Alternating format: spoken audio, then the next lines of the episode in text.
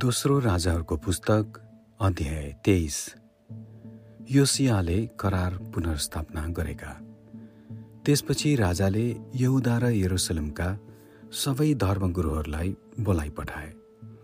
यहुदाका मानिसहरू यरुसलेमका बासिन्दाहरू पुजारीहरू र अगमभक्तहरू साना ठुला सबै मानिसहरूसँग तिनी परमप्रभुको मन्दिरमा उक्लेर गए।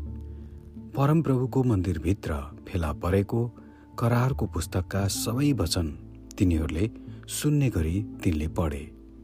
तब खम्बाको छेउमा उभिएर राजाले परमप्रभुको सामुन्ने करारलाई पुनर्स्थापना गरे। परमप्रभुलाई पछ्याउन र उहाँका आज्ञाहरू विधिहरू र उर्दीहरू आफ्नो सारा हृदयले र प्राणले पालन गर्न र यस पुस्तकमा लेखिएका करारका वचनहरू पुरा गर्नलाई परमप्रभुका यी कुराहरू तिनले अनुमोदन गरे। त्यसपछि सबै मानिसहरूले त्यस करार अनुसार हिँड्न आफूलाई थितो राखे। राजाले प्रधान पुजारी हिल्लिया तिनका पछिको दर्जा मुनिका पुजारीहरू र ढोकेहरूलाई परमप्रभुको मन्दिरबाट बाल देवता र असेरा देवी र आकाशका तारामण्डलका निम्ति बनाइएका सबै थोक हटाउनलाई हुकुम गरे। तिनले यी सबै एरुसलेमको बाहिर किद्रोन खोल्साको मैदानमा जलाइदिए र खरानी चाहिँ बेथेलमा लगे। यहुदाका नगरहरू र एरुसलेमका छेउछाउका अग्ला अग्ला ठाउँहरूमा धुप बाल्ने पुजारीहरू जुनहरूलाई यहुदाका राजाहरूले नियुक्त गरेका थिए उनीहरू जसले बाललाई घामलाई र जुनलाई अनि नक्षत्रहरू र सम्पूर्ण तारामण्डललाई धूप चढाउने गर्थे। तिनले परमप्रभुको मन्दिरबाट असेराको खम्बा निकालेर एरुसलेमको बाहिर किद्रोन खोल्सामा लगेर त्यहीँ जलाइदिए र धुलो पिठो पारे अनि तिनले त्यो साधारण मानिसका चिहानहरूमा छरिदिए। तिनले पुरुष वेश्याहरूका बस्ने घरहरू भत्काइदिए जो परमप्रभुका मन्दिरभित्र थिए र जहाँ स्त्रीहरूले असेराको निम्ति बुन्ने गर्थे। यो सिंहले यहुदाका नगरहरूबाट सबै पुजारीहरूलाई निकाले र उनीहरूले धुप बाल्ने गरेका गेबादेखि वर्षेबाससम्मका अग्ला अग्ला ठाउँमा भएका पूजा थानहरूलाई तिनले अपवित्र तुल्याइदिए। तिनले ढोकाका देवता थानहरू भत्काइदिए। सहरका राज्यपाल यहुसुको ढोकाको सामुन्ने जो सहरको मूल ढोकाको देब्रेपट्टि छ यी अग्ला अग्ला ठाउँहरूका पुजारीहरूले एरुसलेममा परमप्रभुको वेदीमा सेवा गरेनन् तर उनीहरूले आफ्ना सङ्गी पुजारीहरूसित अखमेरी रोटी खाने गर्थे। मोलोकको निम्ति कसैले पनि आफ्ना छोरा वा छोरीलाई होम गर्न प्रयोग नगरोस् भनी बेनहिन्नोमको बेसीमा भएको तोपेतलाई उनले अपवित्र तुल्याइदिए। परमप्रभुका मन्दिरको द्वारमा यहुदाका राजाहरूले सूर्यका सम्मानको निम्ति बसालेका घोडाहरू हटाइदिए। ती चाहिँ नातान मेलेक नाउँका एकजना अधिकृतका कोठा नजिकको चोकमा थिए। तब सूर्यको निम्ति समर्पण गरिएका रथहरू योसियाले जलाइदिए। आहाजको माथिल्लो कोठा नजिकको कौशीमा यहुदाका राजाहरूले खडा गरेका वेदीहरू र परमप्रभुको मन्दिरका दुवै चोकमा मनस्यले निर्माण गरेका वेदीहरू तिनले भत्काइदिए। तिनले ती त्यहाँबाट हटाएर ढुङ्गा रोडा पारे किद्रोन खोल्सामा फालिदिए। एरुसलेमको पूर्वपट्टि भ्रष्ट पारिएको डाँडाको दक्षिणपट्टि भएका अग्ला अग्ला ठाउँहरू जुनहरू इजरायलका राजा सोलोमनले सिदोनीहरूको घिनलाग्दो देवी अस्तोरेत मुआबको घिनलाग्दो देवता कामोस र अम्मोनका मानिसहरूको घृणित देवता मोलोकका निम्ति बनाएका थिए। ती पूजा स्थानहरू पनि तिनले अपवित्र तुल्याइदिए। योसियाले चोखा ढुङ्गाहरू चुर चुर पारिदिए र असेराका खम्बाहरू काटिदिए र ती ठाउँहरूलाई मरेका मानिसहरूका हड्डीहरूले भरिदिए। इजरायललाई पाप गर्न लागेका नबादका छोरा एरोबामले बनाएका बेथेलमा भएको अग्लो ठाउँ र बेदी पनि तिनले भत्काइदिए। तिनले त्यो अग्लो ठाउँलाई जलाइदिए र त्यसलाई धुलो पिठो पारिदिए। अनि असेराको खम्बा पनि जलाइदिए। त्यसपछि योसियाले यताउता हेरे र जब तिनले डाँडाको छेउमा भएका चिहानहरू देखे तब तिनले ती चिहानहरूबाट हड्डी निकाल्न लाए र त्यो वेदी अपवित्र तुल्याउनलाई ती हड्डीहरू त्यहीँ जलाइदिए।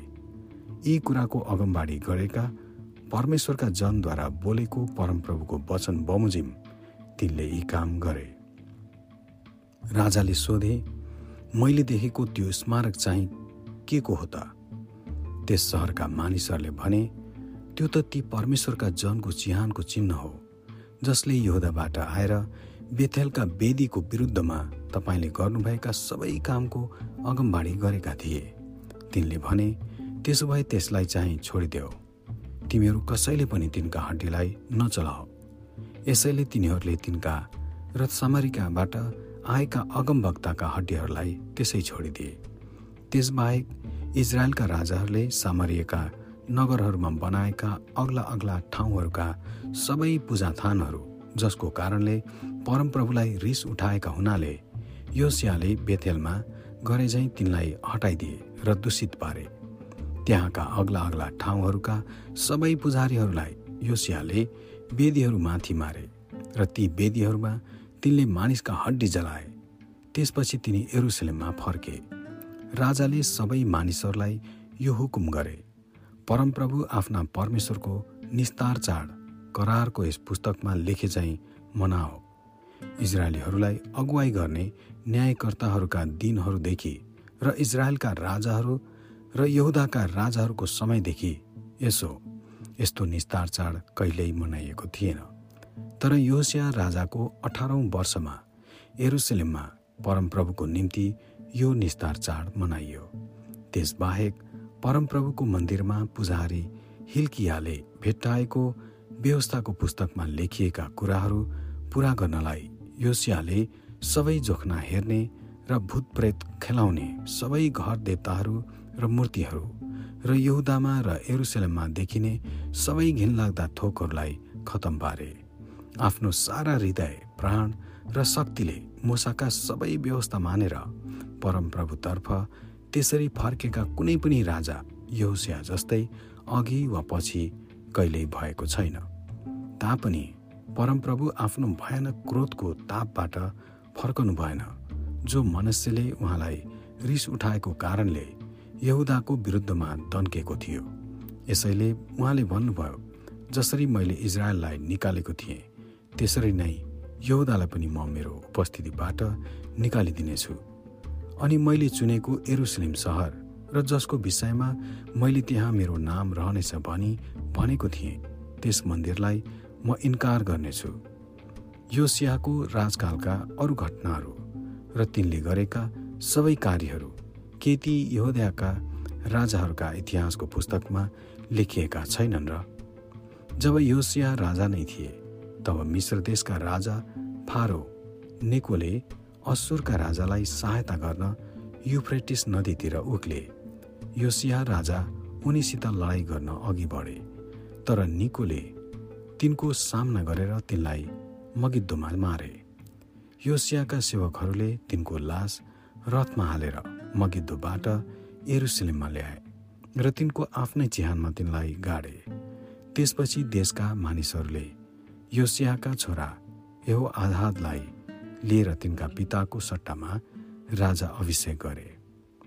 यहुदाका राजा एहो आहाज जब एहो आहाज राजा भए तब तिनी तेइस वर्षका थिए र तिनले एरुसेलेममा तीन महिना राज्य गरे। तिनकी आमाको नाउँ एरिमियाकी छोरी हमुतल थियो। तिनी लिम्नाकी थिइन्। तिनले आफ्ना पुर्खाहरूले गरे झैँ परमप्रभुको दृष्टिमा जे कुरो खराब थियो त्यही गरे। तिनले एरुसलेममा शासन नगरून् भनी फारो नेकोले तिनलाई साङ्लाले बाँधेर हमाद देशको रिब्लामा राखे र उनले यहुदालाई एक सय तोडा चाँदी र एक तोडा सुन कर तिर्न लगाए फारो नेकोले यौसाका छोरा एलियाकिमलाई तिनका पिताको सट्टामा राजा तुल्याए र तिनको नाउँ एलियाकिमबाट एहोयाकिम राखिदिए। तर उनले एहो आजलाई मिश्र देशमा लगे र राखे अनि तिनी त्यही नै मरे। फारोले मागेका सुन र चाँदी तिर्नलाई यहो याकिमले देशमाथि कर लगाए। तोकिएको कर अनुसार देशका मानिसहरूबाट सुन र चाँदी तिनले जबरजस्त साथ लिए। यहुदाका राजा यहो याकिम जब यहो याकिम राजा भए तब तिनी पच्चिस वर्षका थिए। र तिनले एरुसलेममा एघार वर्ष राज्य गरे। तिनकी आमाको नाउँ पदायाकी थियो। छोरी जबिदा थियो। तिनी रुमाकी थिइन्। अनि तिनले आफ्ना पुर्खाहरूले गरे चाहिँ परमप्रभुको दृष्टिमा जे कुरो खराब थियो त्यही गरे। आमेन।